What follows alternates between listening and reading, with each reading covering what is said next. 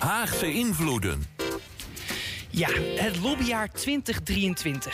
2023 was een politiek bewogen jaar. Twee verkiezingen, een, uh, één verwacht en de ander leek uit het niks te komen. Uh, grote winnaars, grote verliezers, veel nieuwe gezichten in de politiek... en een formatietafel waar stevige keuzes gemaakt zullen worden. De tijd van een extra miljarden uitlenen lijkt, of extra miljarden lenen lijkt voorbij.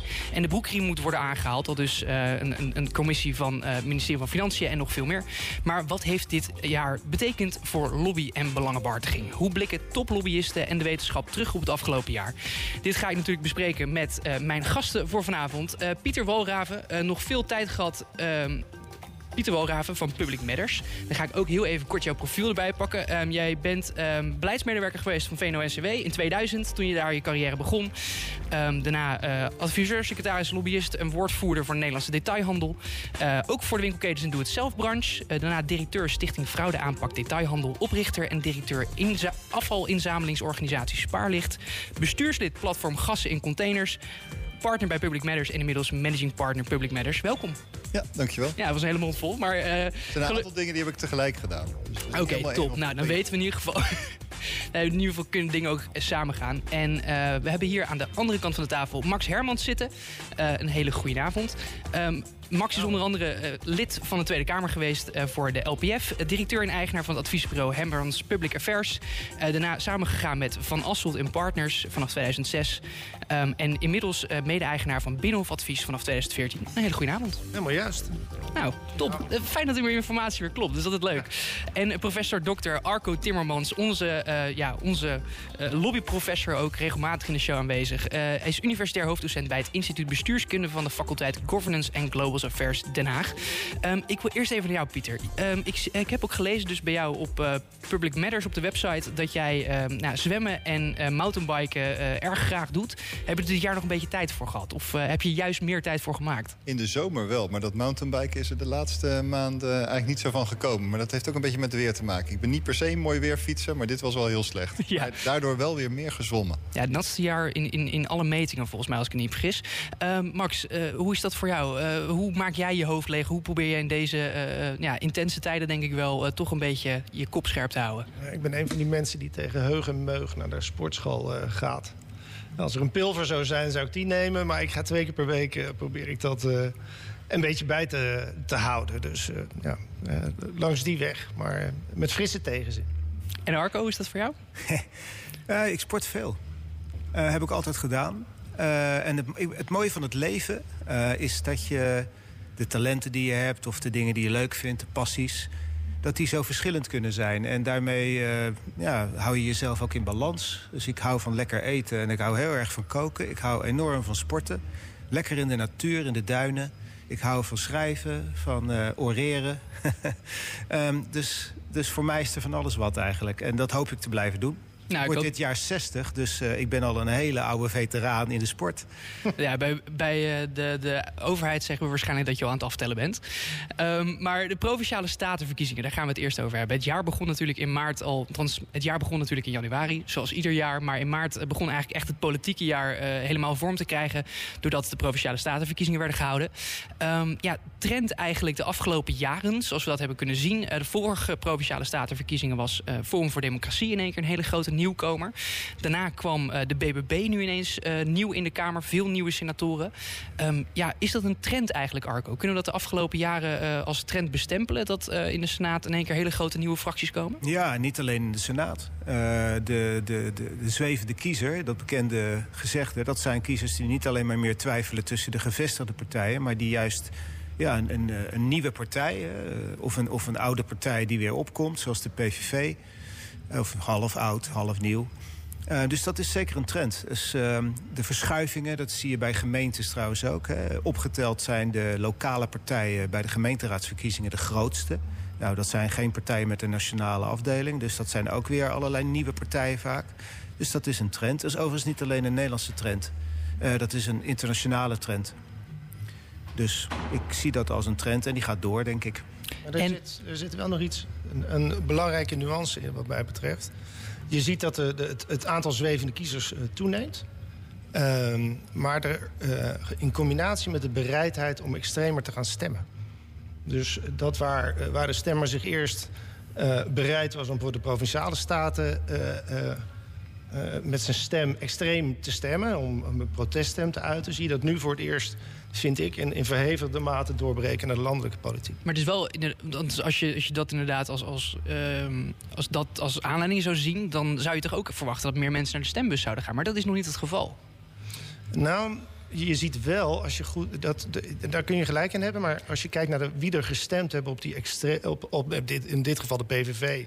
Maar ook de BBB de vorige keer en de FVD, zie je dat er toch veel mensen zijn die uh, eerder niet stemden. Ja. Dus de, die ontwikkeling is misschien dubbel. Uh, in totaliteit wat minder, maar ze motiveren ook andersoortige kiezers of afgehaakte kiezers terug naar de stembus. Ja, nu ben ik toch dan natuurlijk wel ook wel een beetje benieuwd, omdat het een soort van trend gaande is. Althans, we, we zouden het een beetje als een trend kunnen bestempelen. Hoe kan je daarop inspelen? Zijn er, um, hoe, hoe, hebben jullie dat gedaan met onder andere dan nu de BBB die nieuw in de Kamer zit? Hoe, hoe leg je die contacten met nieuwe senatoren? Eigenlijk net als met alle anderen. Uh, overigens, uh, wat voor ons een paar dingen die, die het voor mijn werk heeft betekend. Het is de.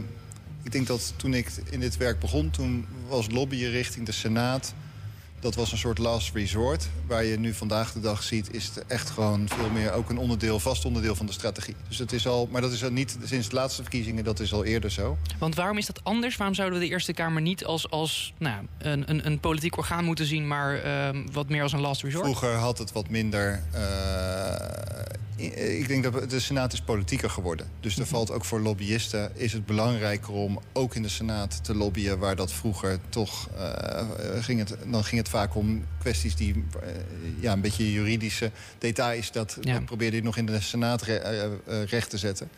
En dat is eigenlijk de laatste jaren niet meer zo. Eigenlijk sinds de grondwetswijziging. Van? Het, de, de, de, het tijdstip van kiezen is veranderd.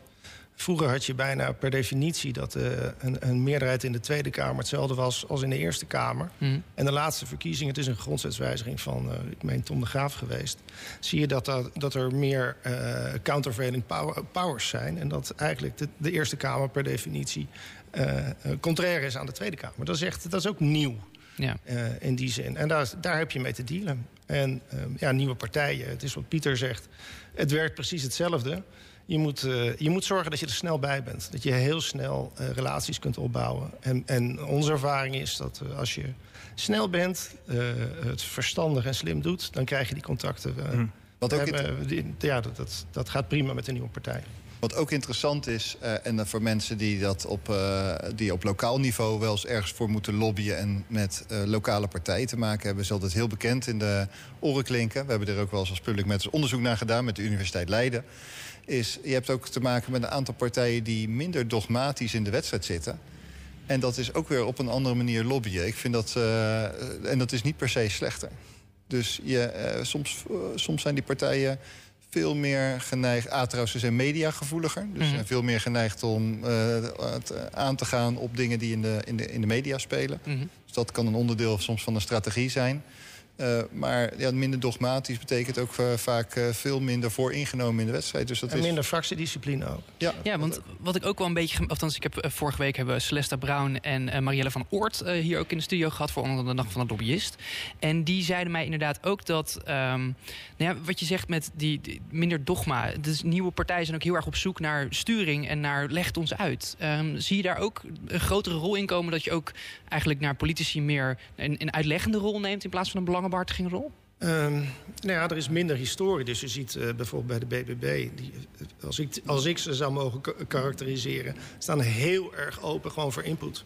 Willen graag verteld worden, zijn slimme mensen... en ze, ze zijn op zoek naar informatie... omdat ze uh, het, vaak het overzicht nog niet hebben. Bij de NSC is het, is het weer ietsje anders... omdat dat vaak specialisten zijn op hun eigen gebied. Dat zie je ook heel sterk. Dat heb je... Uh, ik vond het een verpletterend optreden twee, uh, uh, afgelopen week van mevrouw Jozef en, en de mevrouw van de toeslagenaffaire van, de, van de, de Memo Palmen. Mm -hmm. um, maar ieder zijn eigen weg. En, en meestal, in mijn ervaring is nieuwe partijen bieden nieuwe kansen. Want er is wat meer ruimte links en rechts. Arco? Nou, eerst even dat punt over nieuwe partijen is minder dogma. Ik, ik zie dat eigenlijk helemaal niet zo. Ik, ik, als, ik, als ik de verkiezingscampagnes en ook recent weer het meeste nieuws waar de nieuwe partijen prominent in beeld zijn... is juist, staat bol van de dogma. Het zijn nieuwe dogma's. Nou ja, ja het, is, het is confrontatie zoeken. Het is uh, vasthouden aan uh, stereotyperingen. Nou, je kunt er van alles over zeggen. Overigens, uh, nieuwe partijen in Nederland zijn vaak partijen aan de rechterflank. Hè. Mm. In andere landen heb je daar wat meer gemixt.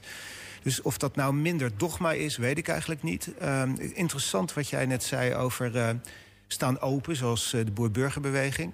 Ik heb ook wel het idee, maar jullie hebben daar zelf dagelijks meer ervaring mee uh, dat er ook nog wel wat zoeken nodig is om te kijken welke ingangen je bij nieuwe partijen hebt. Of bij partijen die enorme verkiezingsoverwinning hebben gehad, zoals de PVV. Die ja. Eigenlijk is Wilde staat een beetje bekend als iemand die niet zo'n zin heeft om uitgebreid met belangenbehartigers te praten. Ja, dat, dat verhaal hoor ik inderdaad ook uh, vaker van. En, en, gaat hij dat volhouden met zijn 37 uh, fractiegenoten? Of 36 zijn het er dan die allemaal ingewerkt moeten worden, die informatie nodig hebben. Dus we gaan het zien. Dat vind ik een hele interessante vraag uh, over, over de lobby in de komende tijd. Daar gaan we denk ik zo meteen ook vaak uh, verder over hebben. Niet voor niets dat we ons tot NSC en, uh, en de BBB beperkten in dit geval. Um, daar gaan we zo meteen ook hebben over de val van het kabinet en de resultaten wat daaruit komt. En inderdaad gaan we dan ook even uh, praten denk ik over hoe dat verschilt. Ook met de PVV die over het algemeen niet al te bekend staat voor een open, uh, open deur naar uh, lobby of in ieder geval belangenbehartiging. Daar een stuk minder interesse in, in lijkt te hebben. Pieter, jij wilde nog hierop aanvullen. Nou ja, over die dogma's. Misschien, Arco, misschien heb je wel gelijk. En zijn het nieuwe dogma's? Bedoelen we dat? Maar um, wij hebben ook in ons werk uh, ik mag bedrijven advies geven, bedrijven, organisaties advies geven over lobby. Ook te maken met sommige dossiers die soms helemaal niet in het verkiezingsprogramma staan, die geen grote maatschappelijke vraagstukken staan. Mm En waar je bij de traditionele partijen, als ik ze even zo mag noemen... wordt er al met een soort van vooringenomen blik gekeken naar... oh, dat is zo'n onderwerp, dus dat zit bij ons in die hoek... en dit is wat we er dan waarschijnlijk wel gaan, van gaan vinden. En zo ga je dan het gesprek in zie je dat, en dat is een beetje in lijn met wat Max ook net vertelde... zie je vaak de nieuwe partijen daar uh, eigenlijk veel opener naar kijken. En gewoon zeggen van vertel me eens hoe dat zit. En uh, dat bedoelde ik met eigenlijk met de dogma's. Dus... Ik noem ook het, het, het, mechanisme van fractiediscipline. Dat, dat raakt daar ook aan wat jij zegt. Dat, de, dat is ook een, een, een automatisme wat bij bestaande partijen er snel inslaat. En dat is bij uh, die partijen nog niet. Gelukkig niet. Dus een een, een wat meer open, en, uh, uh, open oor op dit moment. en waarschijnlijk wordt dat door de tijd alweer weer ingehaald. Maar fractiediscipline, ja, dat is nog wel eens vervelend. Ik ben dus ook heel benieuwd naar um, de val van het kabinet deze zomer. Um, sommigen zeiden het gaat of snel gebeuren of heel snel gebeuren. Uh, anderen tasten volledig in het duister. Um, kun je zoiets voorspellen? Uh, of ligt het dan aan de kwaliteit van, je, van jezelf als lobbyist? Ik zat er een maand naast. we hadden een pool, we hadden een pool uh, uh, in, dit, in dit geval... Met wie had je een pool we hadden, we hadden een, een pool binnen de MRA. En ik zat er een maand naast. Ik liet, me, ik, ik, ik, nou, ik liet me verleiden om het over de zomer te tillen. Maar je, je voelde het al aankomen, grosso modo. Hoe was dat bij jou, Pieter? Was er op een kantoor ook een polletje gaande? Nee, uh, volgens mij hebben we er geen pool op gehouden. Ik vind dat ook wel iets minder interessant. Ik vind eigenlijk dat je er altijd rekening mee moet houden. Mm -hmm. Dus uh, in elke situatie... Uh, het gebeurt toch. Ik heb de afgelopen, zolang als ik dit werk doe, heb ik ook een paar van die situaties meegemaakt dat ik het echt niet had verwacht. En dat het toch ineens gebeurde en dat je dan moest schakelen. Dat heeft mij er altijd wel toe aangezet om eigenlijk voor heel veel van de casussen waar ik mee bezig ben, er altijd rekening mee te houden dat het gebeurt. En ja, het is inderdaad een drukke zomer, want iedereen gaat toch zijn position paper schrijven, verkiezingsprogramma, commissies benaderen. Wat is een position paper? Even. Uh, een goede, hoop ik. Uh, op 1 A4 uh, de belangrijkste standpunten, de argumenten daarbij. Ja, vanuit een organisatie je, of vanuit ja, een klant van je die ja. daarvan zeg je: dit, dit is eigenlijk je In elevator pitch. Ja. ja. En niet alleen position papers. Je gaat kijken wie er in programmacommissies zitten. Uh, wie kent wie? Uh, wie zijn er belbaar? Waar kan iets uh, ingestoken worden of niet? Ja. Dus er gaat, er, er, gaat wel een mechanisme draaien. Met, je, je, kent alle deadlines met input. Je, je weet wanneer de congressen zijn... waarin er weer geam geamendeerd kan worden. Mm -hmm. dus het is, in die zin is het geen rustige zomer geweest.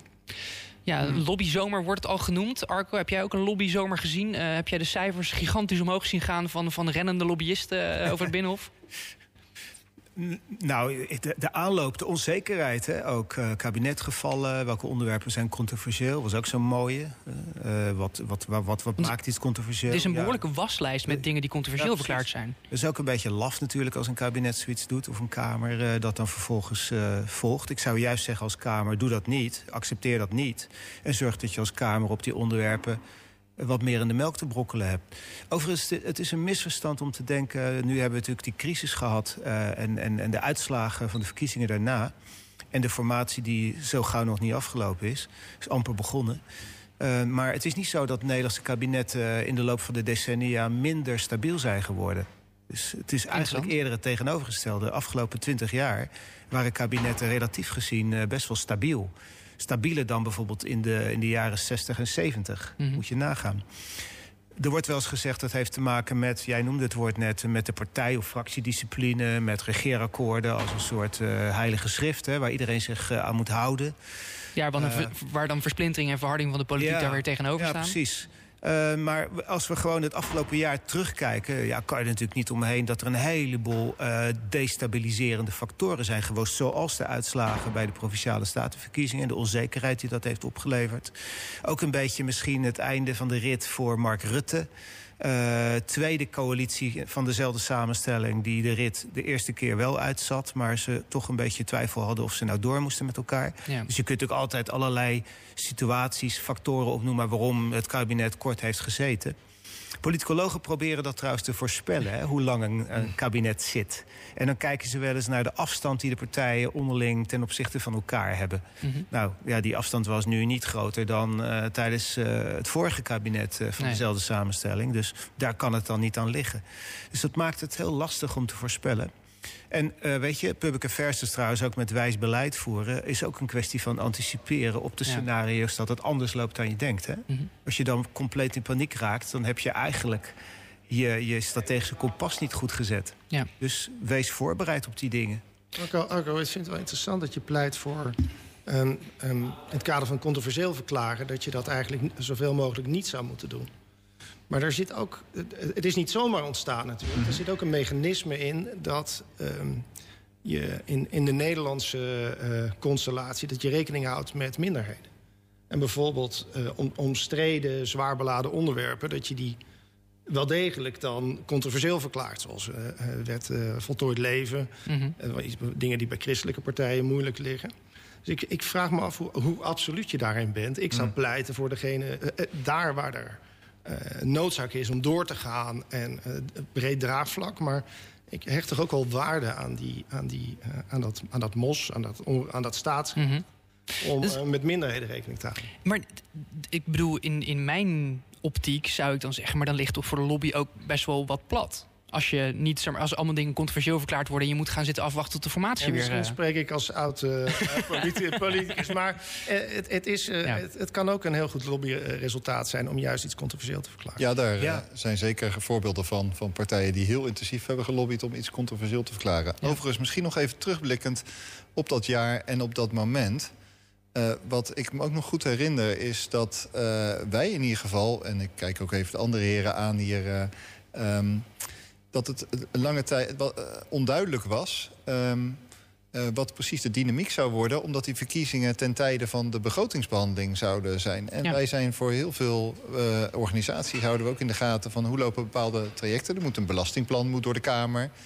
Uh, dat die nu door... wel, ik kan me herinneren even dat dat rond de zomer... en dat ook heel veel mensen in de Kamer zelf nog niet wisten... Ja. in augustus, september... dat er ergens gedurende september is pas duidelijk geworden... hoe die agenda zou lopen. Uh, dat er sommige begrotingen pas nu, dit jaar, zouden worden behandeld. Ja.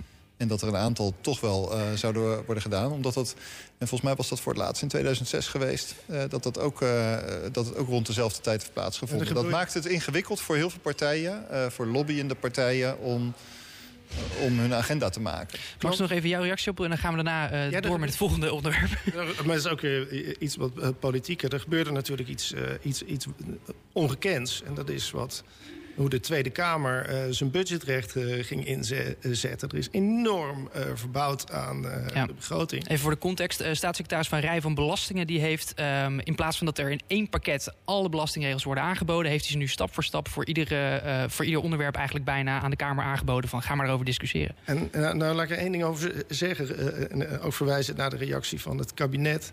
Uh, zorgvuldigheid uh, en, en, verstandigheid gingen daar niet uh, hand in hand. Er is onder hoge tijdsdruk zijn er, zijn er grote ingrepen gedaan met ook grote negatieve gevolgen. Ja.